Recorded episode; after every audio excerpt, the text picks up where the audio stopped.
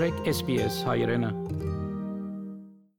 Ողջույն հարգելի ունկնդիրներ, անցաչափաթը Հայաստանում, Արցախում եւ Սփյուռքում։ Մինչեւ տարեվերջ Հայաստանի եւ Ադրբեջանի միջև դեմարկացիայի եւ դելիմիտացիայի մեխանիզմներ կստեղծվեն։ Տպավորություն կա, որ թուղթ է ստորագրվելու սահմանազատման եւ սահմանագծման արդյունքների մասին։ Այդպիսի բան հնարավոր չի ուղղակի ստորագրվելիք պոտենցիալ փաստաթուղթը լինելու է հետևյալի մասին, որ Հայաստանը եւ Ադրբեջանը ձևավորում են հանձնաժողով, որը սկսում է զբաղվել սահմանազատման եւ սահմանագծման աշխատանքներով։ Այդ թղթի մեջ գրված չի լինելու սահմանը անցնում է ստեղով, ստեղով, ստեղով, ստեղով։ Սոչիում կայացել է Փաշինյան-Պուտին-Ալիև հանդիպումը։ Սոչիում նոյեմբերի 26-ին տեղի ունեցավ Հայաստանի վարչապետ Նիկոլ Փաշինյանի, Ռուսաստանի նախագահ Վլադիմիր Պուտինի եւ Ադրբեջանի նախագահ Իլհամ Ալիևի հանդիպումը։ Մոտ 3 ժամ տևած հանդիպումից հետո երկրների ղեկավարները հանդես եկան հայտարարությամբ։ Հայաստանի վարչապետը դրական գնահատելով հանդիպումը նշեց, որ քննարկվեցին բոլոր օրակարգային հարցերը, շատ հարցերում հստակեցրինք մեր դիրքորոշումը եւ պարզվեց որոշ հարցերում անհամաձայնություն չունենք։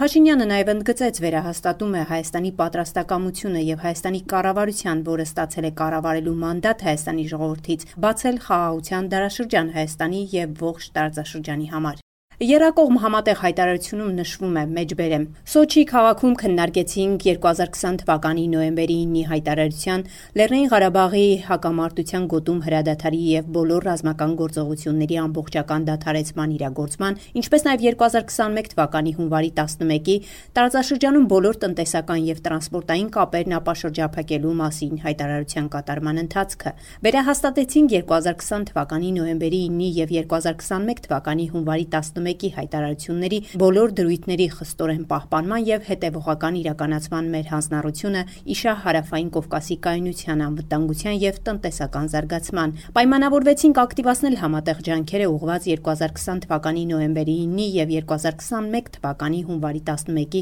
հայտարարություններից բխող մնացած խնդիրների հնարավորինս շուտ լուծմանը։ Նշեցինք ռուսական խաղաղապահ զորախմբի կարևոր ներդրումը տարածաշրջանում իրավիճակի կայունացման եւ անվտանգության ապահովման գործում։ Պայմանավորվեցին քայլեր ձեռնարկել ադրբեջանահայկական սահմանի կայունության եւ անվտանգության մակարդակը բարձրացնելու եւ Ադրբեջանի եւ Հայաստանի միջև պետական սահմանի սահմանազատման երկկողմ հանձնաժողովի ստեղծման ուղղությամբ կողմերի խնդրանքով Ռուսաստանի խորհրդատվական աջակցությամբ դրա հետագա սահմանագծմամբ։ Բարձր գնահատեցին Գերակողմ աշխատանքային խմբի գործունեությունը տարածաշրջանում բոլոր տնտեսական եւ տրանսպորտային կապերի ապաշրջափակման գործում, որը ստեղծվել է 2021 թվականի թվականի հունվարի 11-ի հայտարարության համաձայն Ադրբեջանի, Հայաստանի փոխվարչապետների եւ եւ Ռուսաստանի փոխվարչապետի համատեղ նախագահությամբ։ Ընդգծեցինք տարածաշրջանի տնտեսական ներուժը բացահայտելու համար կոնկրետ նախագծերի հնարավորինս արագ մեկնարկի անհրաժեշտությունը մեջբերման ավարտ։ Մինչ Սոչիի հանդիպումը Փաշինյանը Երևանում պատասխանել էր մի շարք լրատվամիջոցների հարցերին,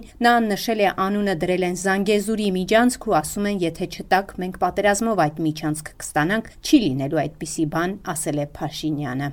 Սահմանազատումն ու սահմանագծումը այսօր տեղի են ունենում Արյունով եւ Միակողմանի։ Նման հայտարարություն է արել Հայաստանի Պաշտպանության նախկին ղեկավար ընդդիմադիր Հայաստան Դաշինքի անդամ Սեյրան Օհանյանը։ Սահմանագծումն ու սահմանազատումը այս օրերին փաստացի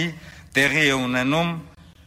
ամենաստոր ձևով հայ զինվորի արյան միջոցով։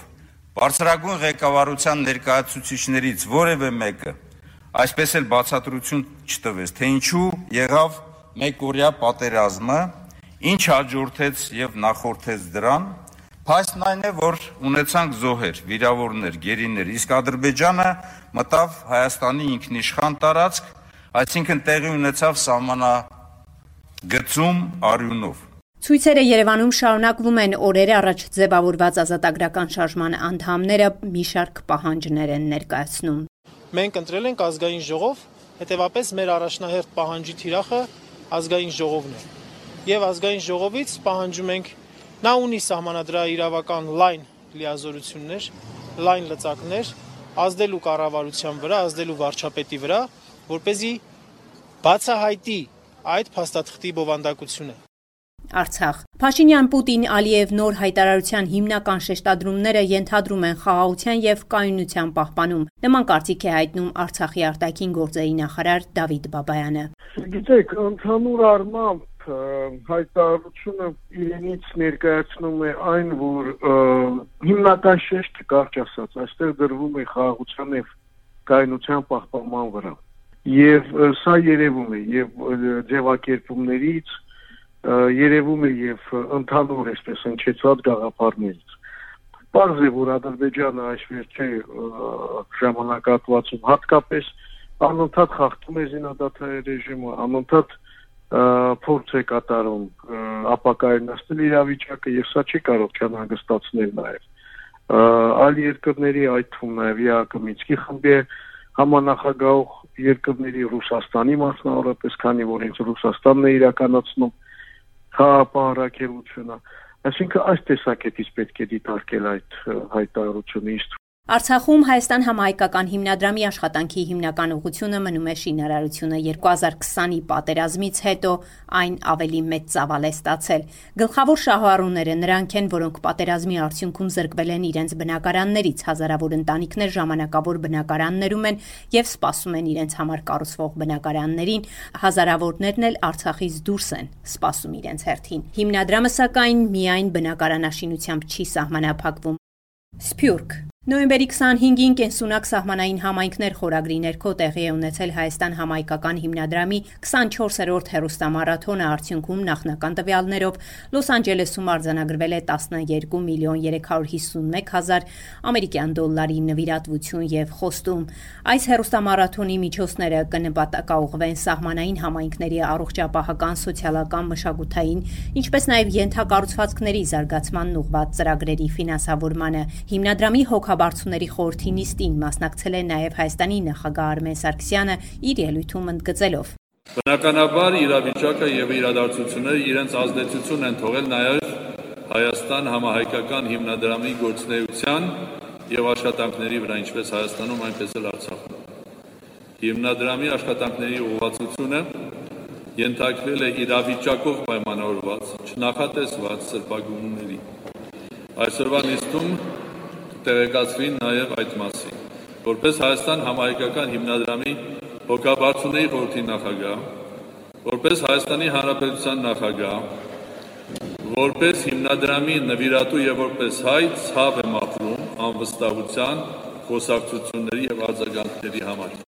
Հայ հեղափոխական դաշնակցության բյուրոյի Հայդատի կենտրոնական գրասենյակի կազմակերպմամբ նոյեմբերի 29-ից դեկտեմբերի 3-ը Երևանում, Գորիսում եւ Ստեփանակերտում գումարվել է Հայդատի հանձնախմբերի եւ գրասենյակների խորհրդաժողով։ Խորհրդաժողովին մասնակցում են Հայդատի ավելի քան 20 հանձնախմբերից եւ գրասենյակներից, ինչպես նաեւ ՀՅԴ կուսակցական մարմիններից մոտ 50 ներկայացուցիչներ։ Նոյեմբերի 29-ին Երևանում մեկնարկել է խորհրդաժողովի պաշտոնական բացումը, նոյեմբերի 30-ից խորհրդաժողովի հանձնաժողովն իր աշխատանքները կշարունակի Գորիսում, իսկ դեկտեմբերի 2-ից Արցախում։ Եվ այդ խորհրդաժողովը մենք սկսելու ենք պաշտոնապես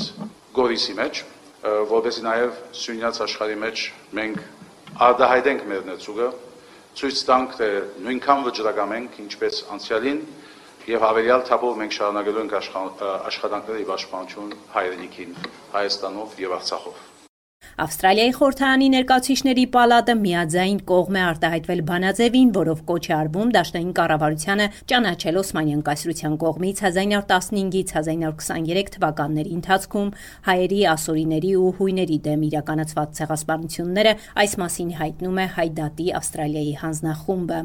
Եվ վերջում Արցախի ինքնորոշման իրավունքի միջազգային ճանաչման եւ Արցախի անվտանգության Հայաստանի հզորացման եւ անվտանգության ամրապնդման հարցերը Հայդատի հանձնախմբի գլխավոր առաջնահերթություններից են։ Այս մասին հայտարարել է Ամերիկայի Հայդատի հանձնախմբի մամուլի քարտուղար Եղիսաբեթ Չուլջյանը, խոսելով Միացյալ Նահանգների նախագահի կողմից հայոց ցեղասպանությունը ճանաչելուց հետո Ամերիկայի Հայդատի հանձնախմբի առաջնահերթ անելիքների մասին։ Նա նշել է, որ Սենատում պետք պետք է քննարկվի ընդհանուր Միացյալ Նահանգների անվտանգության բանաձևը, որի մեջ կա երկու բարեփոխում, ինչի ուղղությամբ Հայդատի հանձնախումբը աշխատել է սենատորների հետ, որպիսի կրճատվի ամերիկյան օգնությունը Ադրբեջանին։ Նրա խոսքով ամերիկյան կառավարությունը պետք է որևէ օգնություն չուղարկի Ադրբեջան։ Ի վերջո նկատի առնելով Ադրբեջանի կառավարության հարցակողական դիրքը, նկատի առնելով 2020-ի պատերազմը, նկատի առնելով, որ այդ պատերազմը հստակորեն ոչ օրս ավարտված չէ, ամերիկյան կառավարությունը պետք է որևէ օգնություն չուղարկի Ադրբեջան,